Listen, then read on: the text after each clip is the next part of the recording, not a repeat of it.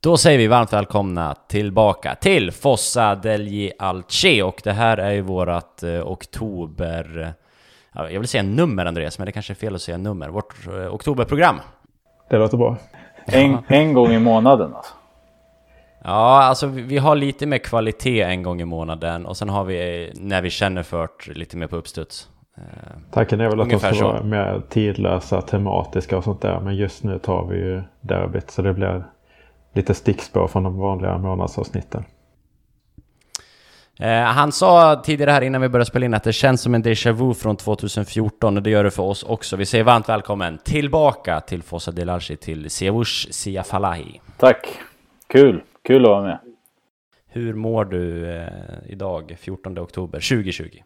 Jag mår bra. Man är väl sådär, nu börjar ju liksom hösthängigheten komma här. När dagarna blir kortare och det blir mörkare. Men eh, jag går, jag går jäkla mycket promenader i färgglada skogar. Så det gör mig fan gott alltså. Eh, sen sist eh, du var med, vilket var typ 4-5 år sedan, vad har hänt i ditt liv? Det har hänt ganska mycket. Du har hittat en italiensk sambo va? Ja, exakt. Jag tyckte inte det var... Det räckte liksom inte med att åka till Italien hela tiden. Så eh, ja, eh, italiensk sambo. Jag har gjort eh, tv en två, tre år. Eh, jag har varit på Discovery sen, från början till slut. Så det har inte ändrats i alla fall. Eh, jag har flyttat från Hässelby till Bromma. Jag har slutat skriva artiklar och producera saker på Solo Calcio och sen printer och svenska fans och allt vad jag höll på med. Koncentrera Ja. mig på Discovery helt enkelt. För det var ju det för de som inte känner oss. Det var ju där du och jag lärde känna varandra Sia. Eh, det började väl på Svenska fans. Du skrev för Inter, jag skrev för Milan och sen Sen värvade du mig till, till, eh, till Solo Calcio när, när du startade upp det. Exakt, vi, vi lärde ju känna varandra där. Så jag har ju mycket att tacka, tacka till dig för den eh, karriär som jag ändå på något vis har delvis byggt på bland annat Svenska fans och Solo Så tack! Du var ju referens någon gång också till mig, kommer du ihåg det? Jag har alltid tänkt på den där referensgrejen när man liksom sätter in någon som är Alltså har någon någonsin, alltså som inte är en riktigt dålig chef, gett en dålig referens? Alltså man skulle ju, man skulle ju, man lägger ju inte in en referens som man vet är dålig. Så Nej. har man någonsin ringt någon som har sagt så här, den där jävla David. Nej, alltid sen. Försover sig hela tiden. Otrevlig som fan. Honom kan ni absolut ans- inte anställa. det har aldrig hänt någonsin. Jävla spaning du kommer med här. Ja, jag, jag satt och tänkte på det för att eh, när, när de ringde mig, alltså då var ju du liksom Messi och Mbappé på fotbollsplanen fast i journalistiken. De bara, är en bra, bra kille, är han duktig? Vad uppskattar du med honom? Och jag sa liksom att du var nästan gud själv. Ja, det, det funkade ju Ja, tydligen. tydligen. Så, om, om någon vill ha en referens, det är bara att lägga in mig och så briefar ni mig med ett sms vad det är för jobb så kör vi. Eh, för den som mot förmodan missat det så eh, ser jag inte supporter. Vi kommer såklart snacka om derbyt. Så vi kör intromelodin på den. Den är densamma sedan 2014. Så vi gnuggar igång den och sen kör vi.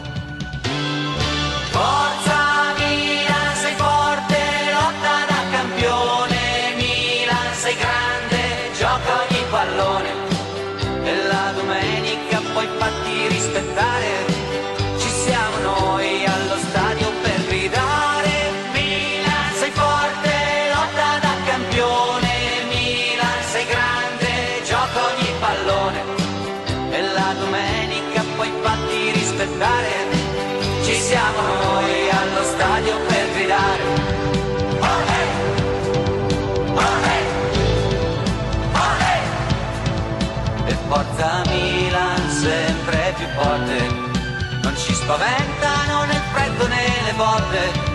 Siamo un'armata che ha un solo pensiero. Vogliamo lo scudetto rosso-nero. Forza ragazzi, in mano alle bandiere. E viva il calcio e le tifose rossonere. Viva Rivera e il nostro presidente.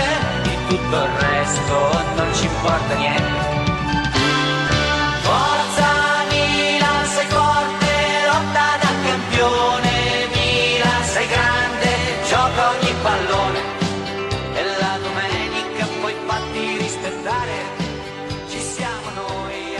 Ja, Andreas. Eh, derby på lördag. Eh, du frågade mig också här innan vi spelade in om jag hade kommit i derby-mode liksom. Och jag får erkänna, jag var ju tvungen att googla igår om derbyt var på söndag eller lördag. Så derby-taggad är jag. Hur, hur känns det nere i Lund? Jag eh, är väl inte inklima derby som man säger, men eh, det börjar ta sig. Och tanken är väl att det här avsnittet ska, ska dra igång det ännu mer Mm. och väcka, Eh. väcka oss. Är du i klima derbys igen? Det, det, är- det är liksom svårt att vara det för att jag har varit på plats på de, jag tror 15 raka derbyn eller någonting hemma och borta. Och så kommer det nu och så är man inte i Milano. Oftast åker jag på torsdag eller fredag. Men så är man inte där, då är det jäkligt svårt att koppla in på det sättet. Och jag var också lite så här, lördag klockan 18. Alltså så här, landslagsspelarna landar typ nu och då måste de gå igenom coronatester. De får inte ens träna innan de ska köra matchen. Så jag har liksom min ursäkt redan klar om inte det inte matchen. Nej, men det, det har inte varit så mycket derbystämning. Det börjar bli lite nu så kommer det liksom. Det blir, det blir lite poddar, folk ringer liksom hur känns det och vad händer och sånt. Man ser folk börja organisera matchträffar och så men det- är inte samma sak tycker jag när det inte är publik, när det inte är liksom man vet att man ska åka ner och, och sådär. Det, det blir lite det, det, det blir mindre påtagligt Med 15, drygt 15 raka derbyn. Det är starkt. faktiskt. Det trodde man inte för, för länge sedan men det har varit en typ en klausul i mina kontrakt att jag alltid ska kunna se eh, där Milano-derbyna så då, då blir det så. Och sen så är det ju jäkligt bra att Stockholm och Milano är nära så man kommer liksom dit ganska enkelt. Det har blivit en del derby. Andreas, när var du och jag på derby senast? Det känns som det var väldigt, väldigt länge sedan. Det måste ju ha varit eh, Fossa del Jalci-resan. Tror jag. Så pass? Ja, när vi snackar derby. Derby var länge sedan. Men det var väl då de Jong 2014. avgör. Nick Just på 1-0. Balotellis. Mycket dåligt derby. Eller? Mm, Ja, det var också. det. Jag tror att vi spelade in podd från Milano det derbyt. Det finns bildbevis på det. Ja, just det. Den bilden ska vi återanvända. När vi satt på det där kaféet eh, och det lät, var massa bilar som åkte förbi Ja, inspelningen. Autentiskt. du, du hade väl ätit pizza på den där sunkiga pizzastället som du gillar? Med, med såna Ja, här det. eh, Spontini. tre decimeter botten. Spontini. Jag har levlat upp. En tom eh, fiskpennpizza tror jag du hade ätit där inför. Jag har levlat upp sen dess och kör bara napoletanska pizza. Du, ja, för, för du, slogs, du slogs för den där pizzan kommer jag ihåg. Ja, jag, jag tycker den är god. Men det är, det är ju mer en fast food eh, grej än en liksom autentisk sätt dig ner och ta en riktig pizza och sådär. Jag tänkte, du har varit på massa derbyn. Hur ser eh, uppladdningen ut dagen, dagarna före? Eh, vanligtvis för dig, för inte supportrar, eh, nere i Milano. Vad brukar du göra? Alltså när, nu på, sen, på sistone, alltså typ det där derbyt som du pratade om och de tiderna, då var det ju typ bara jag som åkte. Så då, då fanns det inte så mycket att göra, man käkade väl något och drack någon öl. Men nu senaste åren, alltså fyra, fem, sex år sedan, alltså, då har det varit så jäkla många från Sverige som har åkt. Så jag brukar mest hänga med alla liksom svenska interfans och polare i Milano och sådär och käka något och dricka någonting liksom. Sen när, nu när jag har sambo liksom och hon följer med ner då ska jag vara helt ärlig och säga att det, man kan inte göra så mycket annat skoj liksom utan man hänger mest med, med tjejen och, och käkar och dricker och hennes kompisar som också håller på Inter eller Milan. Så väldigt mycket äta, dricka, snacka skit, retas lite och inte för mycket för att man vill inte jinxa någonting men eh, så, sådär. Det, det är liksom efter matchen är väl kanske ännu viktigare beroende på, på hur det går. Eh, är tjejen från Milano? Nej, södra Italien. Taranto-provinsen. Puglia. Men hon är interista? Mm. Det Eller har hon blivit det? Nej, hon är, hon är det. Jag hade inte valt henne annars. hon kanske inte hade valt mig heller. Andreas, hur, hur går dina tankar när vi pratar derby så här inför? Eh, hur brukar du vara en, en vanlig säsong?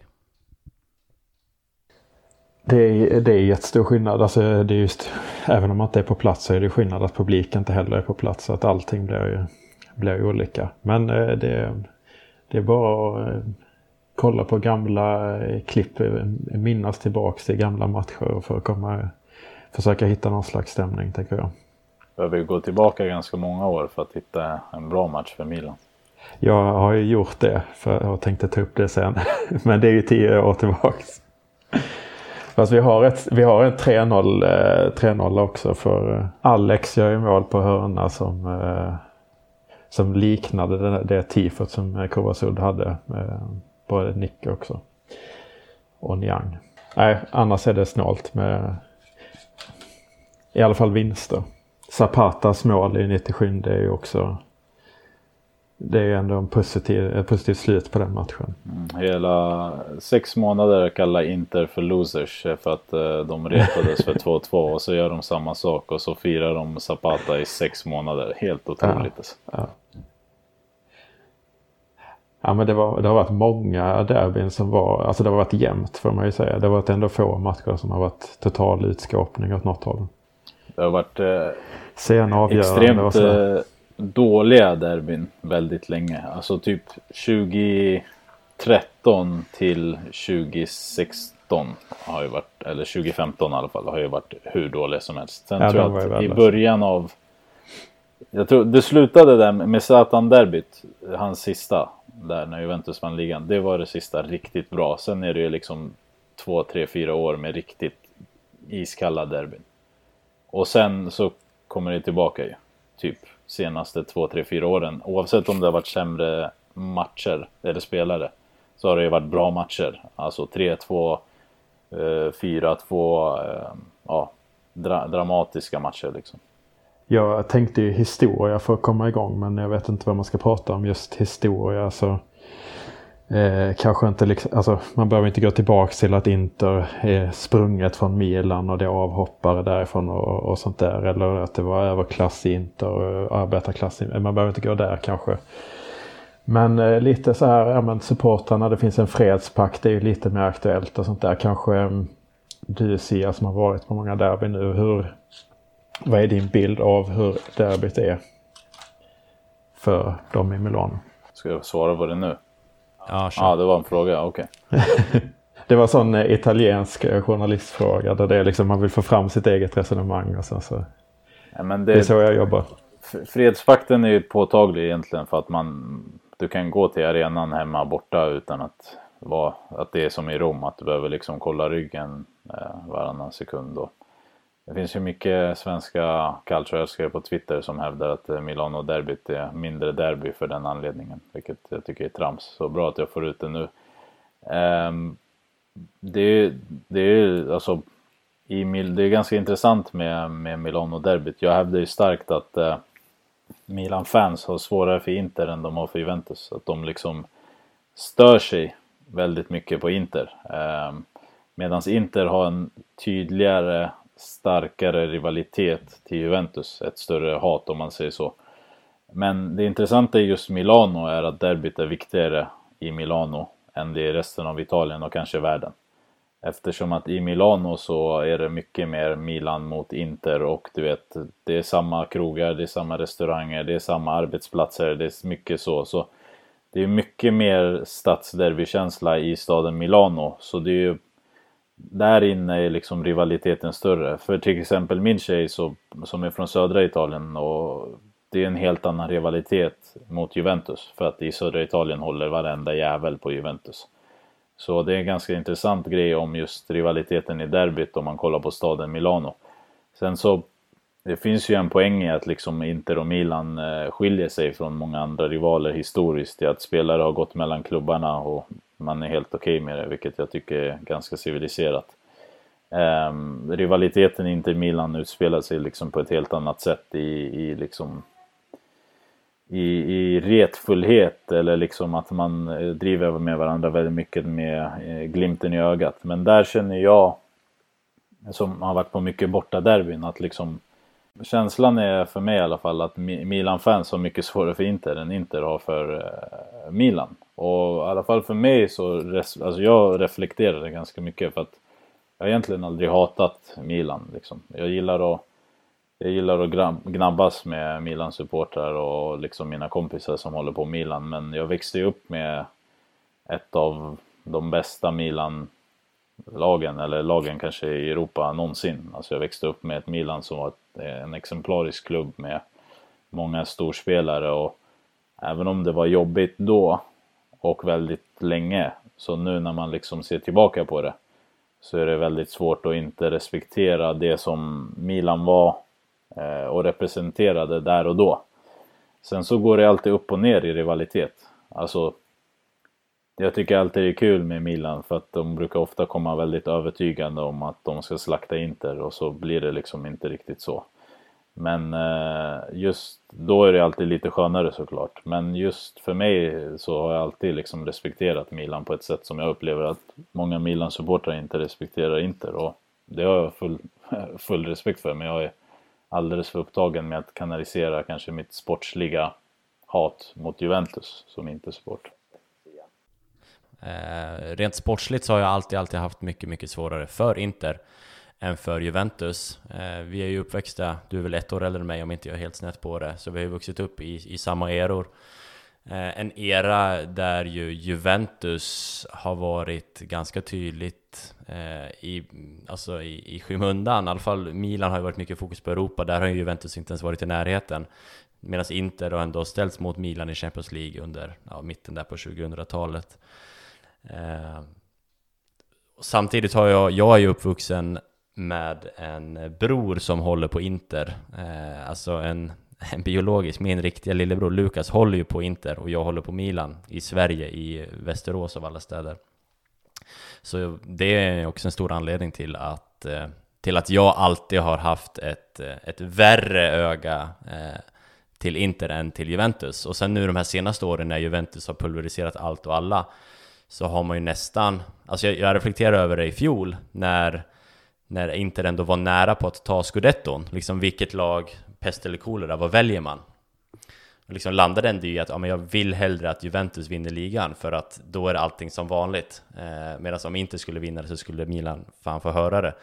Eh, det blir väl den 19 titeln och sådana grejer. Eh, så hellre att allting rullar på som vanligt inom citationstecken än att... Men det delar väl alla, liksom. liksom. även Napoli kanske, även Roma. Alltså alla, alla som inte är Juventus just nu vill ju antingen vinna titeln själva eller att Juventus tar en till titel för att ingen bryr sig och de är så vana med att vinna så att de, det, det var...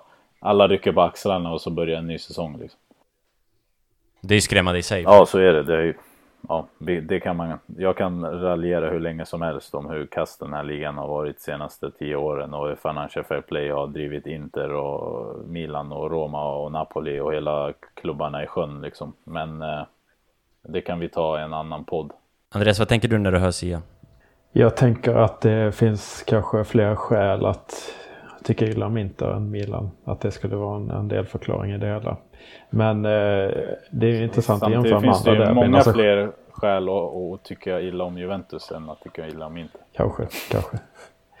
Ja, men det är intressant med, med eh, att eh, det är så blandat i Milano avseende derbyt, alltså i familjer och, på, och sådär. Att det inte är kopplat till olika distrikt och sådär. Det gör ju i derbyt speciellt, men om man bara jämför på de jag har varit på plan, alltså sett eh, eh, när jag har sett Milano-derby, sett Rum-derby, sett Genoa-derby så jag tycker egentligen att jag har svårt att välja så. Nu håller jag ju på Milan så det är klart att jag tycker att det är fantastiskt. Men eh, rumderbyt är ju också jävla häftigt på sitt sätt. Men det passar ju liksom rum någonstans för att det är kaos och det är, är alltid en jävla röra och sådär. Medan Milano är Alltså det är, det är nästan klyschigt att jämföra med La Scala men det är ju nästan åt det hållet och det är väldigt strukturerat och du har en ljudkuliss där som är helt otrolig liksom. Så att jag eh, är inne på att liksom, ja, men derbyna de passar sina städer rätt bra. Eh, men ett Milano-derby bör ju alla se på någon gång i livet. Fast inte för många slentrian-svenskar som åker ner och ser Milano-derbyt. Kan, ni kan fan stanna hemma. Nej, det är sant. Jag tror att eh, jag i snitt har liksom eh, hjälpt 50 personer per match senaste ja, fyra åren i alla fall. Du får sluta svara på massa frågor ja, på Twitter. Och sen eh, när Zlatan kom där i januari, då, då blev det ju, då överöstes ju inkorgen. Det är tur att jag har liksom två säsongskort så jag kan ju liksom fixa typ 10 biljetter i alla fall till alla mina kompisar. Men sen så är det ju bara att gå in på sidan. Milan, Milan, corre va, più nessun ti fermerà. Milan, Milan, il mondo intero puoi conquistar. Eh, jag tänkte vi skulle gå in på lite specifika derbyminnen och sen, jag har ju, jag har ju skrivit en grej, så här förberedd har jag aldrig varit. Jag har ju en och en halv A4 i Word här helvete. om, eh, om en spelare som sen landar i ett eh, derbyminne. Eh, det är en riktig eh, ett och ett halvt plus text. Eh, men vi tar den sen. Eh, Andreas, du har också ett derbyminne du vill, du vill minnas.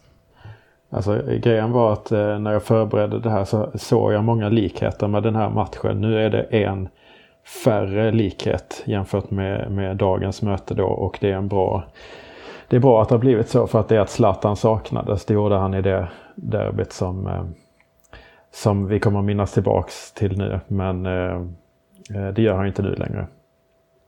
Som tur är. Den andra likheten är att det derbyt kommer direkt efter ett landslagsuppehåll. Som väl har hänt flera gånger. Men det, det var väldigt påtagligt den gången också. Och får man säga att vi är ligaledare nu? Vi är på samma poäng som Atalanta. Ja, målskillnad. Ja, och då ligger vi efter i målskillnad. Delad serieledning. Ja. ja, men det är en stor grej för mig det här med Salutate Laka på lista. Den eh, ramsan, den är ju väldigt fin. Men eh, då var, vi serieledare i alla fall. Eh, det derbyt som jag vill minnas tillbaks till är eh, 2011. Leonardo och Judas. Exakt. Var det på plats då? Jag orkar inte räkna i huvudet på 15-16. Eh, nej men det var eh, många faktorer där. Det var ju att eh, vi låg eh, två poäng före tror jag det var och sen så eh, eh men Inter började ju komma igång formmässigt. Eh, och eh, jag har nog aldrig varit så pessimistisk inför en match som jag var inför den eh, matchen. Det var, kändes som att eh, Scudetton eh, är insatsen i den här matchen. Jag tror det var åtta omgångar kvar och två poäng. Det var, kändes som en väldigt skör ledning för som du sa, Leonardo hade tagit över efter Benitez i Inter och eh, han eh, Eh, fick ju ordning på laget eh, så tillvida att poängskörden eh, ökade och man var på väg ikapp oss helt enkelt. Det var också då som Zlatan hade lite problem fortfarande på att han, han fick göra det här mycket med Champions League men det grundade sig också mycket att han var jättebra på hösten och sen så var han svag på våren hela tiden. Det här var väl egentligen sista säsongen det var på det viset. Men han var ju avstängd för något skit han hade gjort. Ja, boxen på Aronica va? Så var det ja. Boxen runt Nocerino. En klassisk. Vänta nu, det kan inte vara något Chirino för han spelar inte Scudetto-säsongen. Då... eh, nej, det gjorde han fan inte. Det var ju då, det var väl då han var som bäst och gjorde typ 11 Nej, mål. det var, eller? Det var det var säsongen Det efter. var säsongen efter, ja. Skitsamma, det var någon annan grej. Ja. Ehm. Eh, nej men så det var, det var som jag sa innan att det var efter ett landslagsuppehåll och det var ju eh, dels så fick man ju gå och vara nervös extra länge då för att det var så långt eh, mellan ligamatcherna men det var också så att eh, Galliani var ett geni där att han kommunicerar med eh, Holland va? Boateng, ja var det kanske Holland? Van Bommel stannade hemma och alla de där fikade skador och sånt. Så att de, Exakt. Det var Van Bommel, ja. För jag tänkte på vilka spelare det var. Men, det var ju genialt. Eh, Jag hade för mig att det var någon brasse och, och Diego Silva också. kanske va? Ja, precis. Men eh, okej, Van Bommel hade jag eh, glömt. Van Bommel var ju nyckeln i allt det där. Ja, verkligen. Eh, så att han, eh, Milan var ju fräscha medan Inter då alla sydamerikaner där hade ju flugit över hela världen och sånt där och var lite tröttare. Eh, så var det också det här då att Leonardo var tränare och han var ju en ikon för oss, det kommer ju alla ihåg. Men efter att han har varit direktör och tränare så, som fick lämna inför den här säsongen i förmån för eh, Allegri då så hade han ju liksom nekat jobb i Roma för att han skulle ju aldrig kunna jobba i Roma med tanke på sin kärlek till Milan. Och sen så tar det två månader till så går han till, eh, till Inter istället. Eh, så att, ja, vi var väl inte helt eh, nöjda med det. Och Kovasud svarar ju på det här med ett, en gigantisk målning av eh, Leonardo da Vincis eh, Nattvarden. Eh, den tavlan som ju hänger i Milano på, på ett museum där. Jesus sista måltid. Och det var ju inte att det är Leonardo da Vinci, att Leonardo var, var konstnär direkt, utan det var ju att han var Judas. Väldigt snygg målning. En av de snyggaste derby, eller tifforna tycker jag. En, rent symboliskt är det ju mycket. Eh, men det, det satt väldigt fint. Eh, och eh, då körde, då var det liksom ramsor som var Ja, man hade med det där. Så det var ju liksom så himla mycket hat riktat mot Leonardo vid matchstart. Kan inte minnas att jag hört så hög ljudnivå. Eller det, det kändes som att det var så jävla tryck. Och så, så tar det det trycket hinner liksom inte lägga sig innan Pato gör mål i första minuten. Eh, så att det, Sen, blev det ju 3-0 som, som eh, många säkert minns. Så då kan man ju tänka att ja, men det går från 1-0 till 3-0. Då, då är det liksom eh, en, matchen dog tidigt. Men så var det inte heller utan det var ju liksom eh, mycket chanser åt båda håll. Eh, visst, alltså du kommer säkert argumentera för att Abate var off, eh, offside där vid 2-0 målet. Vi skulle haft en straff. Men det var ju många chanser liksom.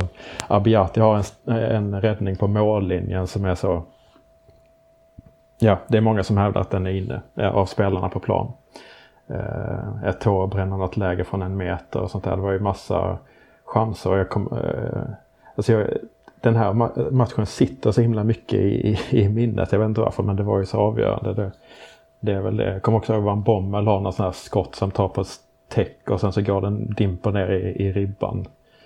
Eh, det var, eh, var en väldigt fin match. Eh, och just Jag minns avslutet så, så tidigt. Jag vet inte om du tänkte nämna det? Avslutet på matchen. Ja men absolut. Cas, Cas, det, Casano, exakt. nej det är Pato som springer sig fri, blir nerriven av Kivo. Kivo, exakt. Eh. Och det är, så, det är så snyggt i det också att det är Leonardo som har plockat Pato till Milan. Han tog ju, scoutade ju alltid Brasilien, Kaká och Thiago Silva, Pato och sånt där. Och sen så är det han som sänker honom i Inter sen.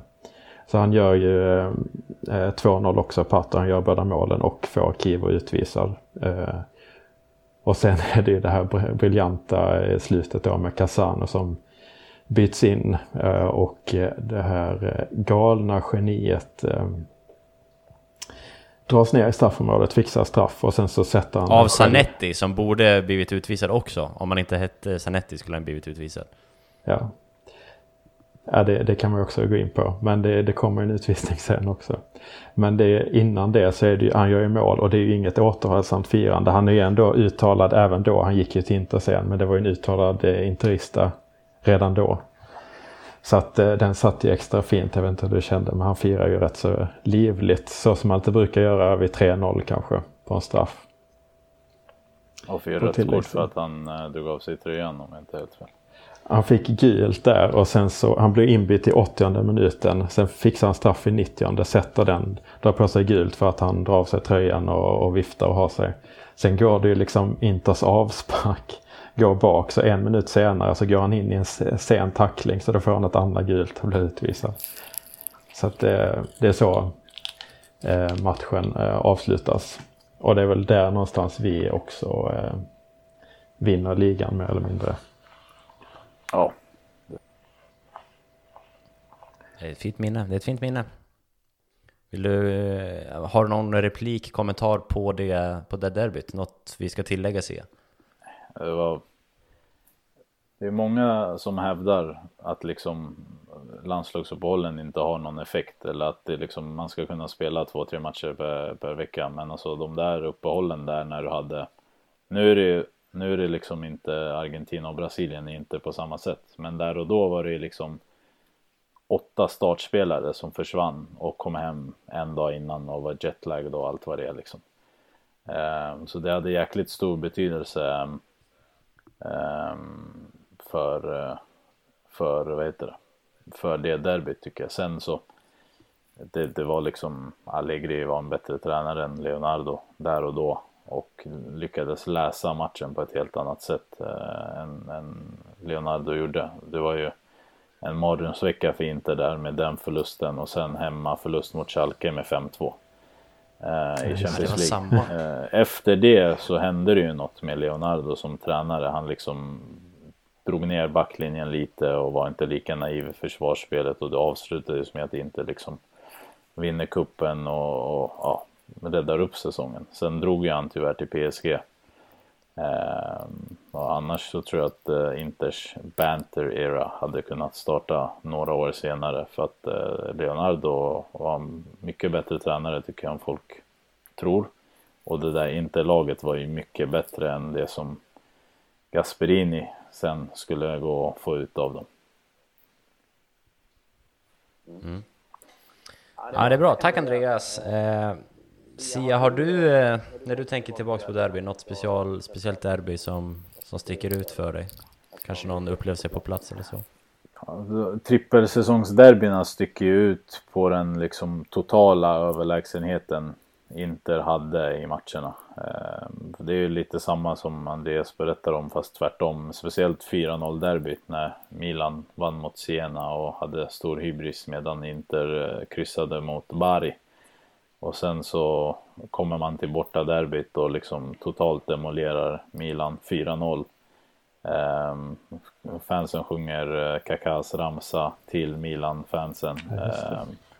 Um, liksom stor förnedring och Mourinho liksom säger till spelarna att inte fortsätta ösa för att det är synd om Milan. Uh, den glömmer man inte. Egentligen sa exakt samma sak som händer i returen där när uh, Milan slår Siena, Ronaldinho har show och alla är supertaggade. Sen kommer Inter till returderbyt och du vet tre minuter in har ett ribbskott, en kvalificerad chans, ett mål. Sen får Schneider utvisning, eh, Inter fortfarande farliga. Sätter dit 2-0, får en till utvisning. Milan, Ronaldinho missar straff att Julio Cesar räddar. Ehm, totalt, totalt överlägsna. Allt, kommer nog aldrig se ett lag som var så pass överlägsna som inte var det året mot Leonardo. Men eh, där, alltså, där och då så kände man att eh, det inte hade något på gång. Och det är också lite där som liksom Mourinhos eh, mina lag kan spela med en man mindre mot alla lag i världen eh, befäste sig och visades på stora scenen och som sen också under trippelsäsongen mot Barca, Guardiolas Barca borta när man fick spela med en man mindre liksom kom till nytta igen. Så det var en jäkligt eh, två fina derbyn där. ja, exakt. Men eh, personligen så eh, det, det, är ganska många, alltså senaste vändningen, eh, liksom där inte går ut och gör 45 usla minuter. Zlatan gör mål, Zlatan gör assist, han liksom firar under kurva nord.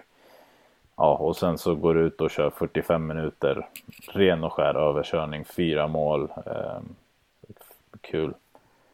Um, kul! men det, det, går, det går liksom inte att beskriva så mycket mer än att det blir, det blir liksom när, när man är där och det är liksom 80 000 och det blir på det sättet eh, så är det en sak. Men personligen så är jag starkt, min liksom starka åsikt är att eh, borta derbyna när man vinner dem, då, då är det mycket skönare känsla. Um, och för att det är mer mina supportrar på plats eller? Ja men då är det, alltså när det är liksom, det, det, är såklart det är skönt när det är 80 000 och det är 65 000 inte fans och alla festar och är glada och sjunger hela matchen och efter och man, man retas och håller på. Men det är en helt annan grej när du är 10 000 och det är 70 000 motståndare där. Och till exempel 3-2 derbyt när Lautaro Martinez avgör. Ehm, är ett, ett sånt derby där ehm, man sen liksom går ut, ja där Ambro, De Ambrosio räddar på mållinjen med juvelerna liksom. Eh, om man är på plats där och då, då har man också liksom skryträttigheterna i att man går ut direkt efter och i ett varv av liksom Milan-supporter. Den, den känslan är, är faktiskt oslagbar alltså på, på det sättet. Så jag har sett just, just de här senaste, eh, i alla fall två derbyna som Inter eh, har vunnit har varit jäkligt skönt att vara på plats och se och, eh, och du vet när, när Milan leder med 2-0 och Zlatan har gått dit då är det inte bara liksom mina super Milan kompisar som mässar mig och garvar utan då är liksom halva Sverige i min inbox. Så, för alla älskar Zlatan. Så just eh, de känslorna att ha sett de matcherna, att faktiskt eh, liksom gått fyra år utan att förlora ett derby är helt otroligt. Ja. Alltså, alltså, du nämner matcher här och det är sådana matcher jag förträngt liksom. Eh, inte segrar som de bara radades, radas upp senaste åren. Det är skrämmande. Det är skrämmande. Okej, har ni laddat upp för min eh, semisvaga text? Eh, vad bra, vi kör den. Eh, för, för jag, har, jag har förberett lite om en spelare. En spelare jag saknar eh, så här 2020. Men en spelare som kom lite i spotlight igår eh, igen. Inspelande stund. Så uh, vi kör den här uh, lilla, lilla bakgrunden. Uh, för vi har ju alla hört om brasilianerna som växer upp i favelan och hamnar på typ Camp Nou eller Bernabeu. Vi har hört om rangliga pojkar från Västafrika som slutar på Highbury och, och i Manchester och sådana grejer. Vi har också hört om invandrargrabben från Rosengård som såklart kommer leda Milans anfall nu på lördag. Eh, men ett livsöde som vi inte har pratat lika mycket om upplever jag är kanske livsödet hos den största interantagonisten vi någonsin sett i modern historia i alla fall. Eh, så, så jag tänkte bara dra den storyn i all korthet. Eh, och då backar vi, damer och herrar, bandet till 1986. Vår huvudperson är nio år gammal, går på idrottsskola i Kiev. Eh, han har hamnat i en fotbollsklass efter att eh, Dynamos scouter har eh, sett honom och placerat honom där. Flyttat honom till huvudstaden. Eller ja, det var kanske inte huvudstad då, men eh, till den största staden i det som blev Ukraina. Eh, men han har faktiskt svårt att sluta tänka på boxning. Han vill bli boxare. Att få dansa runt i ringen, strålkastarljuset, lamporna lyser ner på honom. Det är det som eh, pojken drömmer om och dansa i strålkastarljuset. Det skulle han få göra senare. Eh, men det är istället han, hans familj och alla hans vänner och hela hans eh, land som knockas över en natt. För vad händer den 26 april 1986? Har ni koll på det? Ni två. Sa du 86? 26 april 1986. Berlusconi tar över Milan. Berlusconi tar inte över Milan eh, då. Eh, men det smäller 13 mil norr om Kiev. Eh, den här, våran eh, huvudperson som ni kanske har listat ut vem det är, ligger och sover när kärnkraftverket i Tjernobyl havererar och Europas största katastrof eh, någonsin kanske är ett faktum, eller i alla fall på de senaste 40 åren. Och ett par dagar efter det här så tvingas den här grabben och hela hans familj och alla hans vänner att fly från där de bor. Och han har berättat i efterhand att, det här är ett citat från honom då, att ingen berättade för oss varför vi tvingades att flytta. Men vi visste nog ändå. Eh, I två månader fick vi bo på en annan ort eh, längre söderut eh, och det tog tre år av ovisshet, ryktesspridning och så innan de fick reda på officiella vägar vad som faktiskt hade hänt. Min pappa var soldat i ryska armén och inte ens han sa någonting till mig. Han fick inte, för Sovjet tvingade honom att tiga. Och det var inte förrän att Sovjet föll som de fick officiell information om vad som faktiskt hade hänt. Har han alltså sagt själv. Eh, och för de som inte har listat ut det så pratar vi såklart om Andrei Shevchenko och hans livsdrama. Eh, hela Ukraina knockades ju och har väl kanske inte riktigt till 100% rest sig. Eh, och han har sagt flera gånger att han har präglats av den här katastrofen. Men jag har faktiskt aldrig tidigare läst om det. Så jag vet inte om det beror på mig eller om det beror på att det inte har fått bra spridning. Eh, men han har hela tiden, eller flera gånger uttryckt att eh, när han spelade så spelade han för offren i katastrofen och för barnen eh, från den här katastrofen. Och bara för några veckor sedan så, så var han ute i media igen och uttryckte sig om att eh, coronan har satt honom i, i liknande flashbacks. Eh, pandemins effekter, eh, om dem så säger han att det jag upplever nu påminner mig om när jag var nio år. Det var en svår tid och det är en svår tid just nu. Eh, men vi lever på hoppet och läkarna gör ett fantastiskt jobb, bla bla bla. Men han är påverkad, eller var i alla fall påverkad när coronan bröt ut. Så, vart FAN vill jag komma med det här? Hur ska jag sätta det här i kontext till det jag nu ska prata om? Jo, men jag vill ju först och främst sätta en story som jag inte tror att många har så bra koll på. Eh, och att eh, trauman påverkar individer, det säger väl all forskning, så eh, det är såklart att Shevchenko har påverkats av det här. Och jag vill ändå tro att han har tagit med sig det in på planen och in i derbyna. Eh, för det är... Ja, han var grym i derbyna. Eh, Shevchenko mötte Inter 22 gånger i sin karriär. Två gånger med Dynamo Kiev och 20 gånger med eh, Milan. 15 mål gjorde han i de här derbyna eh, och torskade bara fem av de 22 matcherna. Eh, mitt bästa derbyminne med Shevchenko kommer från, eh, jag var inne på det, Champions League-säsongen 2005. Milan gör ju en sanslös CL-säsong när man slår ut United i åttondelen, ställs mot Inter i kvarten. Eh, 2-0 vinner man i första matchen. Eh, Shevchenko gör ett av målen, Japp Stam gör det andra. Eh, sen ska Inter försöka gå ut och vända på den här steken. Men det tar typ en halvtimme innan Kaká, som eh, Kurva Nord eh, några år senare skulle håna, eh, stormar fram i banan centralt som man alltid gjorde på den tiden, släpper ut den till höger till Shevchenko som bryter in i banan. Cafu kommer som ett ånglok på högerkanten. Inter backlinjen vet inte vad de ska göra. Shevchenko tar något steg in och Alltså det vänsterskottet. Eh, jag var inte speciellt gammal då, vad kan jag ha varit? 7 plus 5, eh, 12 år. Men jag minns det alltså som igår när den eh, skruvas runt Materazzi, stolpe in förbi Toldo som är chanslös.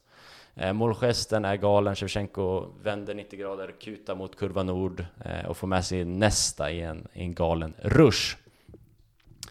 Eh, Sen, eh, ja, matchen i sig. Eh, jag vet inte om vi har yngre lyssnare som lyssnar på oss. Eh, ni kanske har sett bilderna på Rui Costa Materazzi. Det är väl en av fotbollshistoriens kanske bästa bilder. När de står och hänger på varandra. Det ramar väl in hela det här som derby, vad, vad Milano-derbyt handlar om. Rivalitet men ändå vänskap. Så står och tittar på Bengalhavet som kurva nord har sulat in mot Dida och in på planen. En Dida som för övrigt liksom inte förstår efter de första 200 bengalerna att det kan vara smart att ge sig, ge sig av därifrån. Utan han står ju liksom och kastar ut bengaler och tror att han ska få spela match fortfarande. Jag hävdar ju starkt att den där bengalen som träffar honom förstörde hans karriär. För han blev aldrig sig lik efter det där alltså. Nej, jag vet, du var ute och twittrade häromdagen va? Vill jag minnas. Och angående Shevchenko ja. är det ju typ den bästa derbyspelaren någonsin. Han har gjort flest mål. Ja, det, ja, det var min text. Eh, jag kopplar inte ihop Tjernobyl och det andra alls, men skitsamma. Ja, men han gick ju från att ha trauman till att ge alla inte-fans trauman. Eh, Tack. Inte på samma jag... sätt eh, såklart.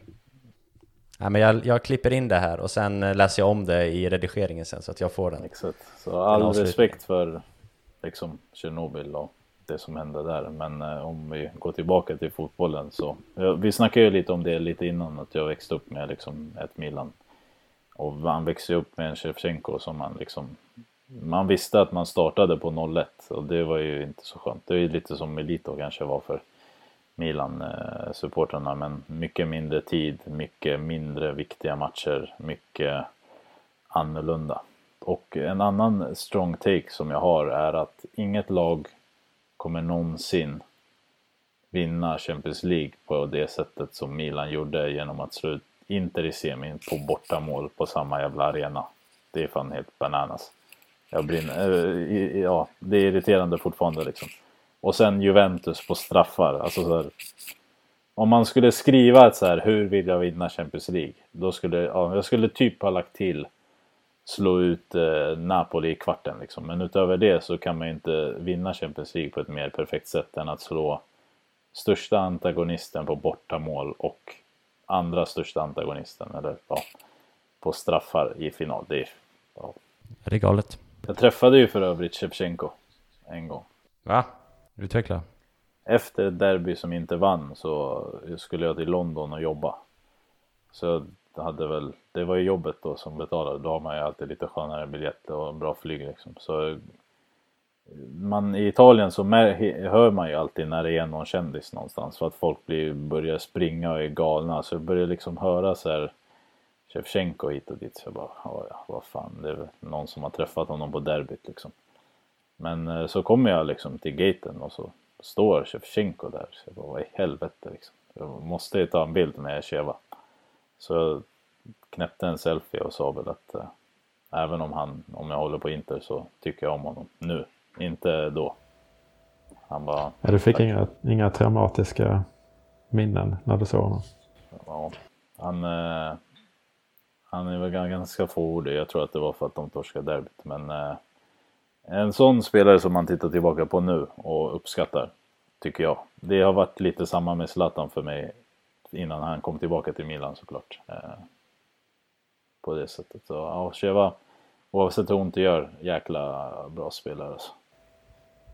Är han den bästa centrala anfallaren? Sorry, nu avbryter jag dig för fjärde gången. Men är han, är han den bästa centrala anfallaren? Jag, jag gör Alltså, ett case för mig är han ju det. Jag har ett case för att han är den bästa nian som jag har sett. Men jag har med Eto'o där. Och så Zlatan.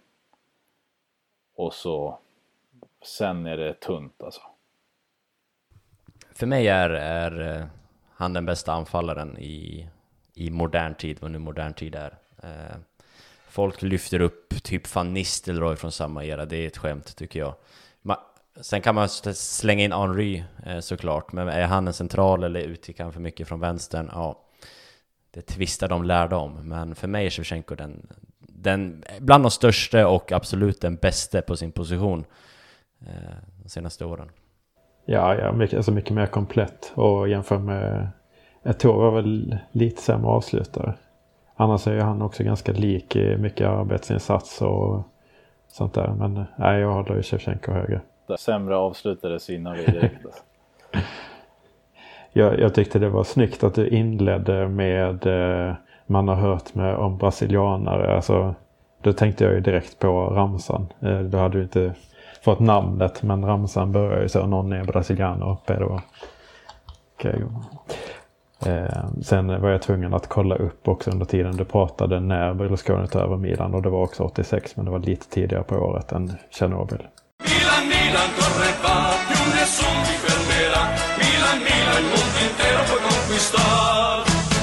Då ska vi prata om matchen som eh, komma skall innan vi rundar av det här med eh, några lyssnarfrågor från er eh, lyssnare. Ja, derby på, på lördag. Milan i serieledning, Inter med ett jävla lag. Jag tänker att vi börjar där Sia, vad är det för jävla trupp ni har i år? Ni måste vinna Serie A har vi sagt tidigare här i podden. Håller du med? Har jag sagt det? Förlåt. Men ja, du kan få reagera på den då. Man vill ju ha interntjafset här nu mellan er två. Eh, Jo, det har vi jo, jag vet inte om jag sagt det podden, du har ju sagt det ut, out, utanför podd i alla fall. Eller så här. Så här är min åsikt. Om jag ska, om jag ska ställa dig en fråga nu, en italiensk eh, fråga, eh, journalistfråga. Så är det i så fall att, eh, för jag håller ju Juventus som favoriter. Inget snack om det. Men är det något då som Juventus, eller som inte ska vinna så är det i år. Så, men så det var kan det jag menade. Det. Ja, okej då. Det var ju Okej det då. jag menade. Ja, jag tolkar det som att ni måste vinna. Alltså. Men eh, jag tänker liksom att Conte har alltid väldigt kort tid trupp. Alltså man, man har satt ihop en trupp som är gammal, som är redo för att prestera här och nu. Och eh, kanske inte lika mycket framtiden. Det är ju resonemanget kring att ja, men, ska Conte vinna så ska det vara den här säsongen. Ja, jag är inte helt... Jag tycker inte truppen är gammal. Um, du har lagt till... Vidal är väl framförallt eh, in och så Kolarov såklart. Men jag ser Kolarov ska väl vara reserv till Bastoni som vänster mittback.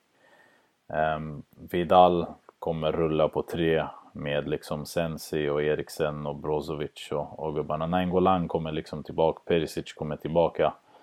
Jag tycker mest att det är en, det är en kompletterad trupp. Jag tror att Inter förra året, om man hade tagit in, om man hade lyckats få in, för det är inte bara att ta in Vidal och Giroud till exempel, som jag hade velat ha. Då hade man nog redan förra året kunnat slå Juventus. För att förra årets Juventus tycker jag var ett lag som inte bara Inter men kanske Napoli skulle kunna ha slagit. Om man kollar på, så det som jag köper med poängen det är så här att förra året så var Inter ett nytt lag, en ny tränare, eh, Icardi som hade vräkt in mål lämnade, Nengolan som var en nyckelspelare oavsett hur liksom alkoholiserad han var lämnade, eh, Perisic som var en nyckelspelare lämnade. Du tog in inte, du ersatte liksom bara Icardi egentligen för att du tog in Lukaku. Men resten, eh, alltså Nengolan ersattes liksom inte en offensiv mittfältare kanske och inte Perisic heller. Nu behövdes inte det för systemet men ni förstår vad jag menar. I år har ju det har ju kommit in fler spelartyper som passar Conte. Det har kommit in ett antal spelartyper som gör att Inter kan ha en bredd. Men för mig så saknas fortfarande den liksom egentligen de två viktigaste positionerna. Eh, en tredje eller fjärde anfallare som gör 10 till 15 mål. Tänk er Giroud, tänk er Chicho Caputo, tänk dig Flockari. En anfallare som gör 10 mål i Serie A, vem, vem du vill liksom. Jag ser inte Alexis Sanchez som den typen av spelare. Jag ser honom som en spelare som gör assist och då måste det liksom bero på att Lukaku och Lautaro är friska och det har varit så jäkligt mycket den förra säsongen. Men om Lukaku bryter benet, då, är det liksom, då går ju planerna i stöpet.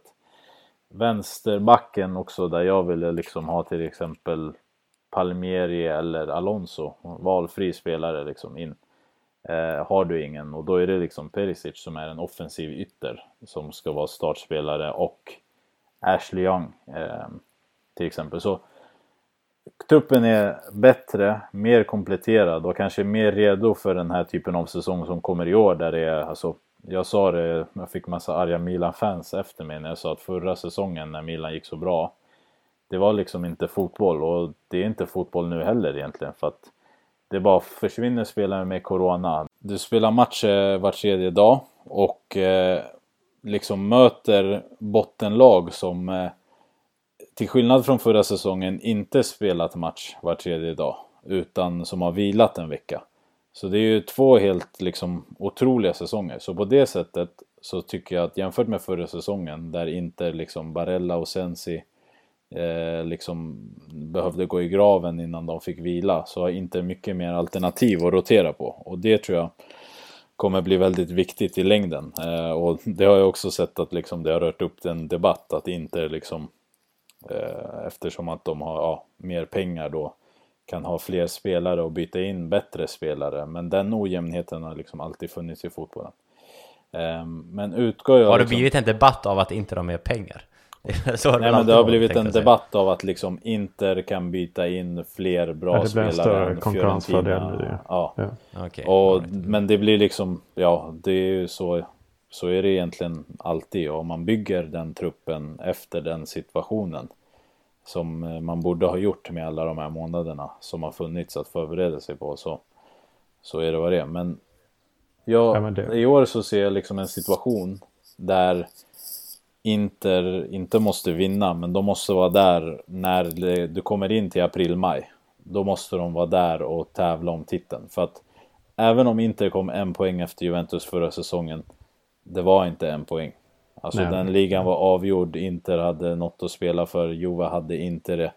Det liksom går inte att säga en poäng, men nu vill jag se Inter tävla på riktigt. Och så som jag ser Serie A i år, så finns det liksom minst tre lag, fyra kanske till och med, som jag tycker kan slåss om titeln. Och det är Juventus, Inter, Napoli och Atalanta. Och jag håller liksom Milan som en sorts dark horse, för jag vet inte hur de hanterar Europa League och sånt där. Men jag ser verkligen, nu återstår att se hur Napoli reagerar på att de fick ett poängs avdrag och torskade en match mot Juventus som jag tror de hade kunnat vinna. Men Atalanta, de, ser, de är liksom ett etablerat topplag, det är bara att liksom räkna med dem. Napoli, grym trupp. Milan vinner och vinner och vinner. Så jag ser inte att Inter måste vinna, men jag ser att Inter måste tävla om scudetton. Och i år så är det viktigare än någonsin att gå vidare i Champions League. För att pengarna är viktigare än någonsin. Alltså det är viktigare att gå till kvartsfinal i Champions League än att vinna en scudetto. Det är liksom, det, det är verkligen så det är. Sen om jag hade fått välja så hade jag såklart tagit en, en titel. Eh, en scudetto framförallt. Jag bryr mig inte så mycket om Coppa Italia. Men eh, så jag, jag ser inget måste, men du måste tävla. Du måste gå vidare från gruppen i Champions League. Det är liksom där Conte ska visa sig. Det, det jag menar innan på eh, med ålder var ju också, alltså det är också en kombination med att man tog Young innan och Nangolan Perisic kommer tillbaks och sånt där. Det är ju, sen är ju vi, vi är ju Serias yngsta lag, vilket det, det, så har det inte varit historiskt direkt. Men eh, så, det blir extra stor skillnad så. Men eh, det är en gammal trupp eh, för oss i alla fall. Men jämför man rent, så här, rent medicinskt så kan jag tycka att det här med fem byten, ja det kanske är någonting som man ska fortsätta med efter eh, covid-19 eh, restriktionerna också. För att det, det, har sina fördelar. Det kommer ge liksom piggare spelare, färre skador, bättre spelare och sånt där. Fler unga tror- spelare ofta. Ja. Om man tittar ja. på redan innan eh, Corona så hade man ju öppnat upp för ett fjärde byte i förlängning till exempel. Ja. Sen så blir ju oftast inte det ett liksom fysiskt byte i Champions League för att det blir väl mest taktiska byten eh, på den liksom scenen. Men i en liga så kan du ju verkligen påverka hur många unga som kan få chansen. Ehm, liksom fysiskt bättre matcher och sånt där. Jag tycker kanske fem byten kan vara för mycket men alltså fyra ser jag absolut och i förlängning tycker jag det är no-brainer. Ja, verkligen. Jag tror att det är en vanlig sak och jag är inte helt övertygad om det. Men det, det finns ju fördelar med det kan man säga. Men det som, som talar emot det är ju liksom nu när man ser Inter i typ 60 minuten stå med ett trippelbyte och sen så är det tre spelare i Contes system som har liksom krigat på mitten. Och sen så är det Vidal, Nangolan och Sensi kanske som ska hoppa in. Det är ju en oerhört stor konkurrensfördel. Och det är det jag skulle säga är Inters största fördel den här säsongen. Så jag kan ju förstå var, var eh, den, det du tar upp eh, kritik. Men den är, den är liksom helt uppe i luften nu för att alla har fått corona. Alltså, det, det är så, jag tycker, Men jag, tycker det- jag köper kritiken för att Inter kan ta in Nainggolan och Vidal säger vi. Men jag tycker inget hindrar ett Milan eller ett Napoli eller ett Juventus från att ta in bra Serie A-spelare och ha redo. Alltså en sån här säsong. Alltså förra säsongen, du behöver ju inte ens ta in Vidal och Nainggolan. Alltså förra säsongen tog Bologna in två liksom okända 17-åriga spelare eh, som liksom sprang ihjäl Inter och vann matchen åt Bologna. Alltså, du vet, jag, jag tycker... och det var det som var lite frustrerande med Conte där liksom i, på, den- i den delen av säsongen, att han gjorde inte bytena.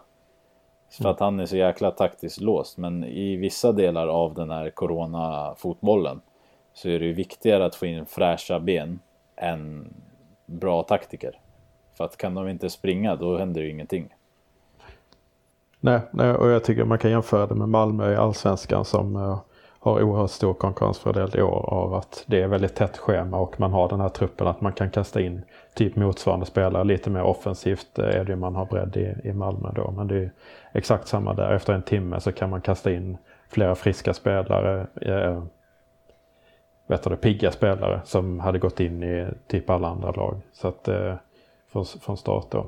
Så det är ju det här och jag tror det är därför Pioli har, har tjatat om det också att han vill ha 18 startspelare för att han vill kunna rotera, han vill kunna spela ett intensivt spel som kommer kräva, eh, kräva det, det här och då extra nu på Corona utöver det här med att ja, men man vill ha spelare som är på tårna för att få startplats och ha konkurrens på träningar och allt det där, skydd mot skador och så vidare. Sen tycker jag att det är lite förnämt av dig att, eh, att tycka att ni ser tunna ut i anfallet med tanke på att vi har en anfallare som är 39 år. Ja, Eh, fast ni men, har eh, Rebic och, och de här som Jo, kan lira anfallare. Um, ja, okej, alltså, nu, Milan går ju inte för en titel. eh, Alltså jag jämför ju inte med Juventus till Jo, exempel. jag förstår det. Jag förstår Det är det. ju det som är den största. Och Men det, är- det är Egentligen. samma kritik vi har, eller jag har framförallt på vår trupp. Ja, det är och då-. Det är ju det är ju liksom egentligen en... För att jag tror folk underskattar hur viktiga målen är. Alltså Ja, oavsett vem, om de kommer från eh, någonstans. Men alltså just i Contes spel. Milan tycker jag har bevisat att de faktiskt kan utan Zlatan prestera den fotbollen. Inte samma sätt såklart. eh, Men en bra fotboll ehm, där folk bidrar med, med mål. Men jag är på riktigt orolig för vad som händer med Inter om Lukaku går sönder. Längre tid. Eh, alltså Lautaro och Sanchez, de gör ett bra jobb. Men ska de spela 10 matcher på en månad? Ja, nu är Pinamonte i och för sig en mer etablerad anfallare än Esposito var förra säsongen. Så det är en uppgradering, men det är inte en Giroud som jag drömde om alltså. Och, och ska man fortsätta att diskutera våra, alltså Milans eh, förutsättningar så jag har ju varit väldigt positiv innan men jag kan också, jag är inte lika kritisk till eh, till eh, hur man ska se på våra prestationer efter coronauppehållet. Men jag kan, kan köpa det till viss del att man kanske överskattade hur bra vi var med tanke på att andra lag inte var påkopplade. Men eh, förra säsongen hade vi inte det här med att spelare var borta och sånt där. Så jag kan inte, förutsättningarna var ändå lika för alla så jag kan ändå tycka att vi ska ha någon slags cred. Men innan såg jag oss som... Jag tycker i Milans fall så ser man nu eh, tre matcher, tre vinster och folk säger ja men det var bara Spezia och Bologna och hit och dit. Men det är exakt den typen av matcher som Milan har tappat poäng i bara för ett år sedan i seriestarter.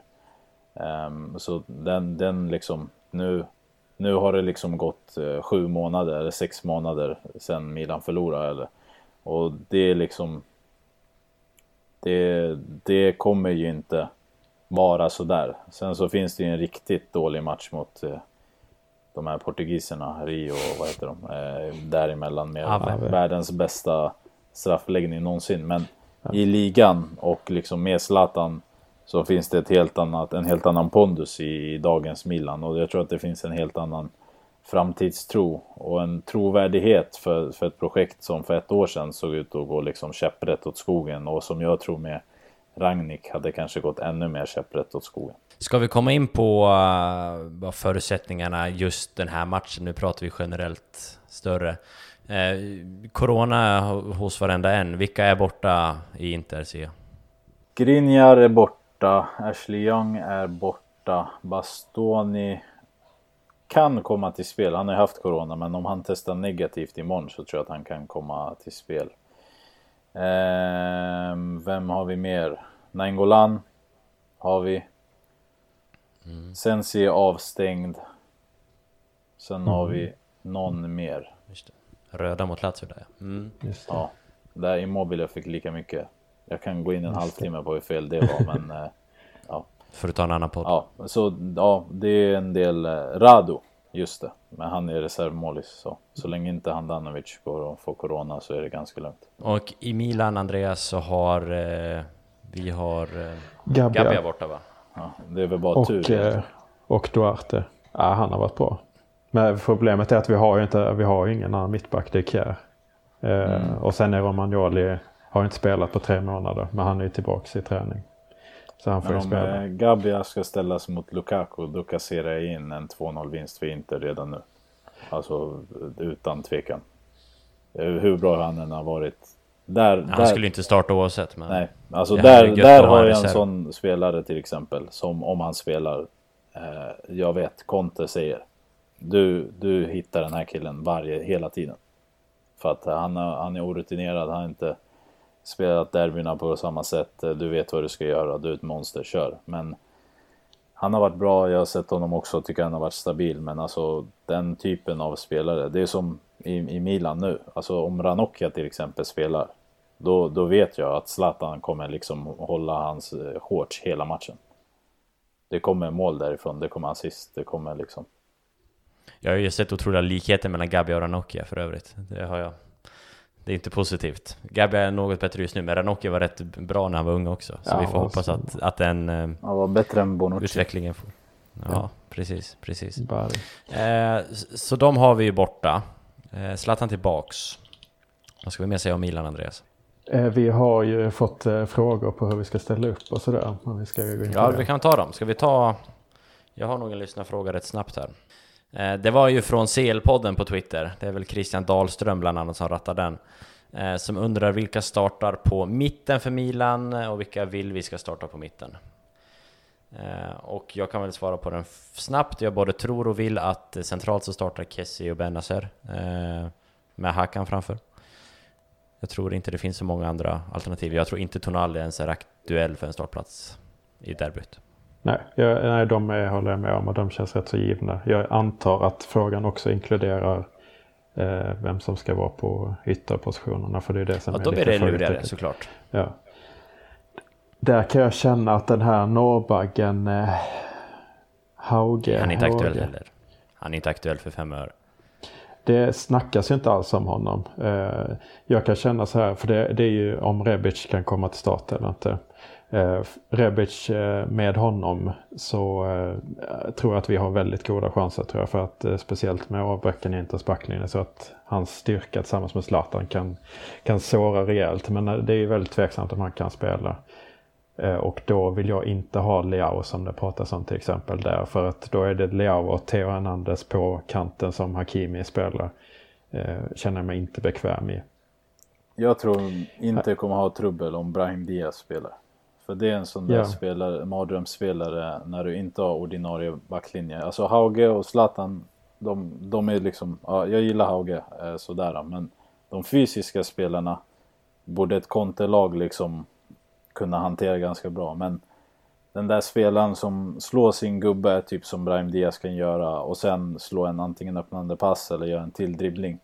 De där spelarna gör skillnaden för mig och speciellt Brahim Diaz som kanske ställs mot Kolarov som är och Perisic. Perisic är jag helt okej med för han är, han är liksom snabb så oavsett om han står fel så hamnar han liksom rätt. Men Kolarov liksom i en mot en mot Brahim Diaz då, då, då är det ju mardrömmar.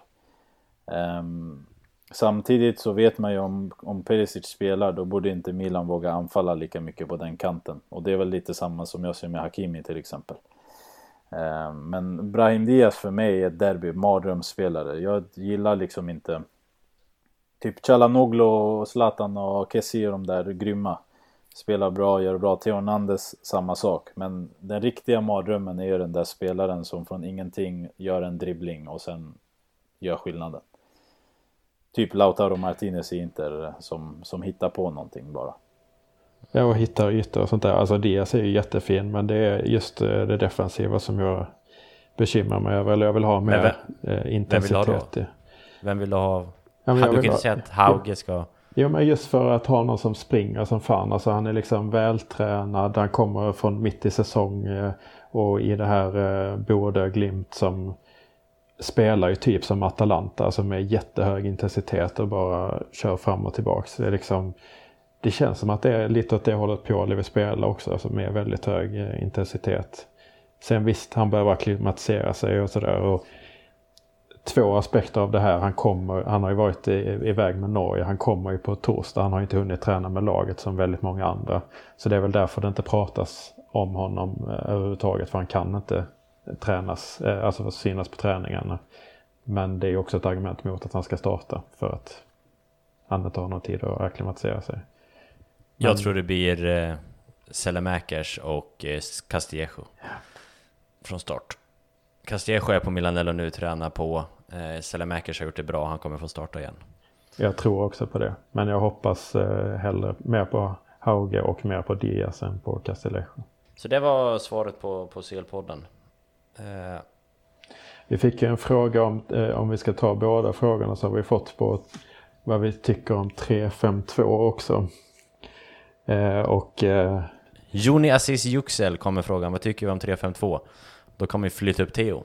mm, problemet är att vi inte har om vi, vi hade behövt ha en, en, uppsätt, alltså en uppställning med en mittback för det är det vi har just nu. Eh, så att eh, då är ju tre mittbackar ännu svårare. Men eh, hade vi haft bättre uppsättning med, på mittbackar så hade det varit intressant att få in både Tonali, eh, Kessie och eh, Benasser samtidigt såklart.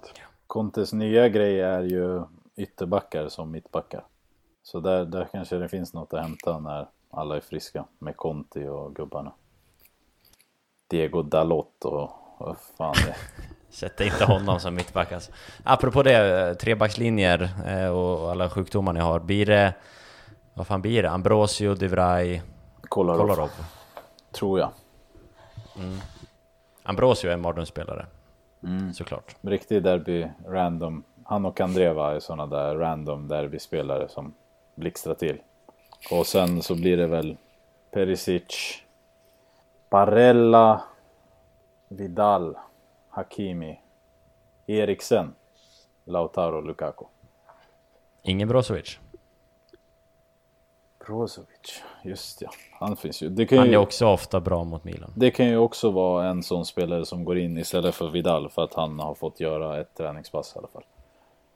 Ehm, jag tror liksom Alexis Sanchez känns inte, kanske till och med att Lautaro är bänkad för att man kör Pinamonti för att ja, han har varit och tränat hela veckan. Jag vet inte, liksom inte hur Conte resonerar. Sen får man ju hoppas alltså när landslagsspelarna får sina provsvar att de är negativa för att annars så blir det ju liksom uppskjuten match i princip. Ja, men det är ju, vi- vi har ju varit inne på det innan, men det är en väldigt stor faktor i det här derbyt också. Alltså det här med landslagsuppehållet. Eh, I det att alltså det fanns, finns ju matcher som spelas väldigt sent. De har ju klämt in många matcher och de har klämt in det väldigt tätt in på den här Det helgen. spelas ju en idag, nu. Ja, det spelas ju massa matcher idag och sen så är det på lördag. Det är ju, det är ju otroligt. Och då har vi liksom ja, med Chile och med Vidal och Sanchez. Eh, och, och Lautaro är ju också borta i Sydamerika. Det är ju det är många tidszoner de ska, ska över också. Eh, så att, eh, och, och vi har många spelare som spelar idag. Hackan i, i Turkiet och Kjär spelar på Wembley. Och, Det är bra i alla fall med europeiska spelarna att de liksom de har en timmes flyg och så är de hemma. exakt, liksom våra helt afrikan, eh, alltså Benassa spelar i, i Holland såg jag. Hakimi har ju haft en riktig mardröms, alltså så här Kongo och sånt där. Ja, just det. Nej, men så, alltså ska man prata om eh, så här sannolikhet när man kollar på förutsättningar på, eh, i betting och sånt där så lägger man väldigt stort fokus på hur tätt matchandet är. Och det finns eh, ett uttryck som är just Fifa-viruset. Kanske olämpligt att prata om virus nu när det finns ett virus i coronafamiljen som är mer aktuellt nu. Men Eh, det, det går ut på att eh, storlag presterar alltid sämre, tappar resultat eh, direkt efter ett landslagsuppehåll. Det har varit jättetydligt på Barcelona till exempel har man gjort eh, mycket sånt. För att man kommer från överallt ifrån och, och sen så har de mindre lagen haft för, tid att förbereda sig och, och hela den biten. Så att det är ju en stor parameter eh, i, i, det här, i den här matchen. Ska vi ta den sista lyssnarfrågan också? Andreas? Eller det är inte en lyssnare, det är ju från våran poddkollega Kerim Han kanske Cevic. lyssnar. Han kanske lyssnar, han gör det ibland, varannan gång, när han själv är med. Eh, Sia, eh, vi skulle dels visa lite bilder för dig sa han. Jag ska se om jag kan lyckas få fram dem här i chatten, eller i video. Vi skulle ha den. Den du ser. Cedorf ja. Pirlo också. Oj. Otroligt eh, poddmaterial det här. Ja, det är alltså spelare som har varit i Milan och Inter och vunnit massa saker i Milan men ingenting i Inter. Det skulle vi hälsa från honom. Eh, sen undrar han också vad Sia tror att eh, vilka i Milan tar plats i hans Inter-elva. Donnarumma, Theo Hernandez. Sen så eftersom att Conte är en fotbollsterrorist så tar säkert Kessie en, en plats eh, med sin liksom eh, intensitet och fysiska och att han faktiskt spelar bollen helt okej. Utöver det, eh, Kessie på bänken. Så hivar man Raja Nangolan och sen Theo Hernandez går in från start och Donnarumma går in från start. Resten, nej, petade hela bunten. Inte Zlatan? Nej, han, han, eh, han är för gammal för Inter. Ja, Det, Ja. det som gör den här eh, frågan helt ointressant är ju att man spelar så pass eh, olika eh, system. Alltså som enskild spelare så är det klart att Zlatan är tillräckligt bra, men Inter har liksom Lukaku och Lautaro. Men han kanske kan få, alltså, och han är ju liksom inte Giroud då, då som tar fjärde anfallsplatsen så han går, det, det går liksom inte. Jag gillar Men ju det- Romagnoli jättemycket också, men ja, han ska han peta De Frey? Nej, det går liksom inte. Dessutom är han kass i, i en trebackslinje, Romagnoli. Ytterligare ett argument. Fast att det vet man inte innan han har haft Antonio Conte som trebackslinjetränare. Jag tänker att vi ska lägga locket på nu. Eh, vi sa inför att vi vill inte ha några så här eh, kombinerade elvor och det, sen avslutar vi med någon form av kombinerad elva här. Svag fråga. Eh, det är en Det svag det. fråga från Kirmi såklart. Eh, det är därför han inte får med idag. Sia, tack som fan för att du ville vara med Tack i. Fossa del Alci Tack själva. igen. Eh, uppehåll på, på fem år men Lycka inte till i helgen. Ja, detsamma, typ. Eh, Andreas, eh, vi ska innan vi lägger på bara säga tack så jättemycket för, eh, för Swish. Vi har ju fått in lite Swish. Det tigger pengar i de här eh, månadsnumren och det var ju faktiskt eh, väldigt generösa lyssnare förra månaden. Jag vet Verkligen. inte om vi ska namnge dessa personer lite snabbt. Det kan jag göra. Jag hoppas att de eh, accepterar detta själv. Men det var, De ju, ju det var ju väldigt generösa. Vi hade, inte förvänt, vi hade väl eh, inte tänkt att det var så många. Men eh, de, vi hade väl inte heller tänkt att det var så generösa som de var. Och det var för mig är de, de som har skänkt heter Robert Melkersson, eh, Oliver Soprani, eh, Dennis Dahlgren och Alexander Myran. Och om man vill swisha, för pengarna de går ju till en ny mikrofon till dig. Vi kanske ska skicka en till Sia också, eller en ny dator, för det märker ju inte ni, men Sias dator dog mitt under inspelningen. Jag har fått klippa den här podden i säkert tre timmar för att det ska bli bra. Jag tar Men, inte emot några blodspengar från den sämre sidan av Milano, men tack för erbjudandet. men Andreas, om man vill swisha för en, eh, till en ny mick till dig, vart swishar man då? Då är det 0733 eh, 911016. Gött. Och vi lägger det såklart också i beskrivningen till podden. Så! Nu har vi fått in allting vi ska få in. Hör av, oss, hör av er till oss på Fossa Del Alci på Twitter. Eller någon av oss privat. eh, Och nu har vi haft nästan två timmars snack, vi har inte ens nämnt Handanovic. Jag tänkte vi gör inte det den här gången. Skönt att slippa. Ja. Men att jag tog Donnarumma säger ju allt. Så är det väl. Även om han är typ världens bästa målvakt. Du, eh, återigen tack som fan och eh, på återhörande till alla lyssnare. Hej då! Hej då!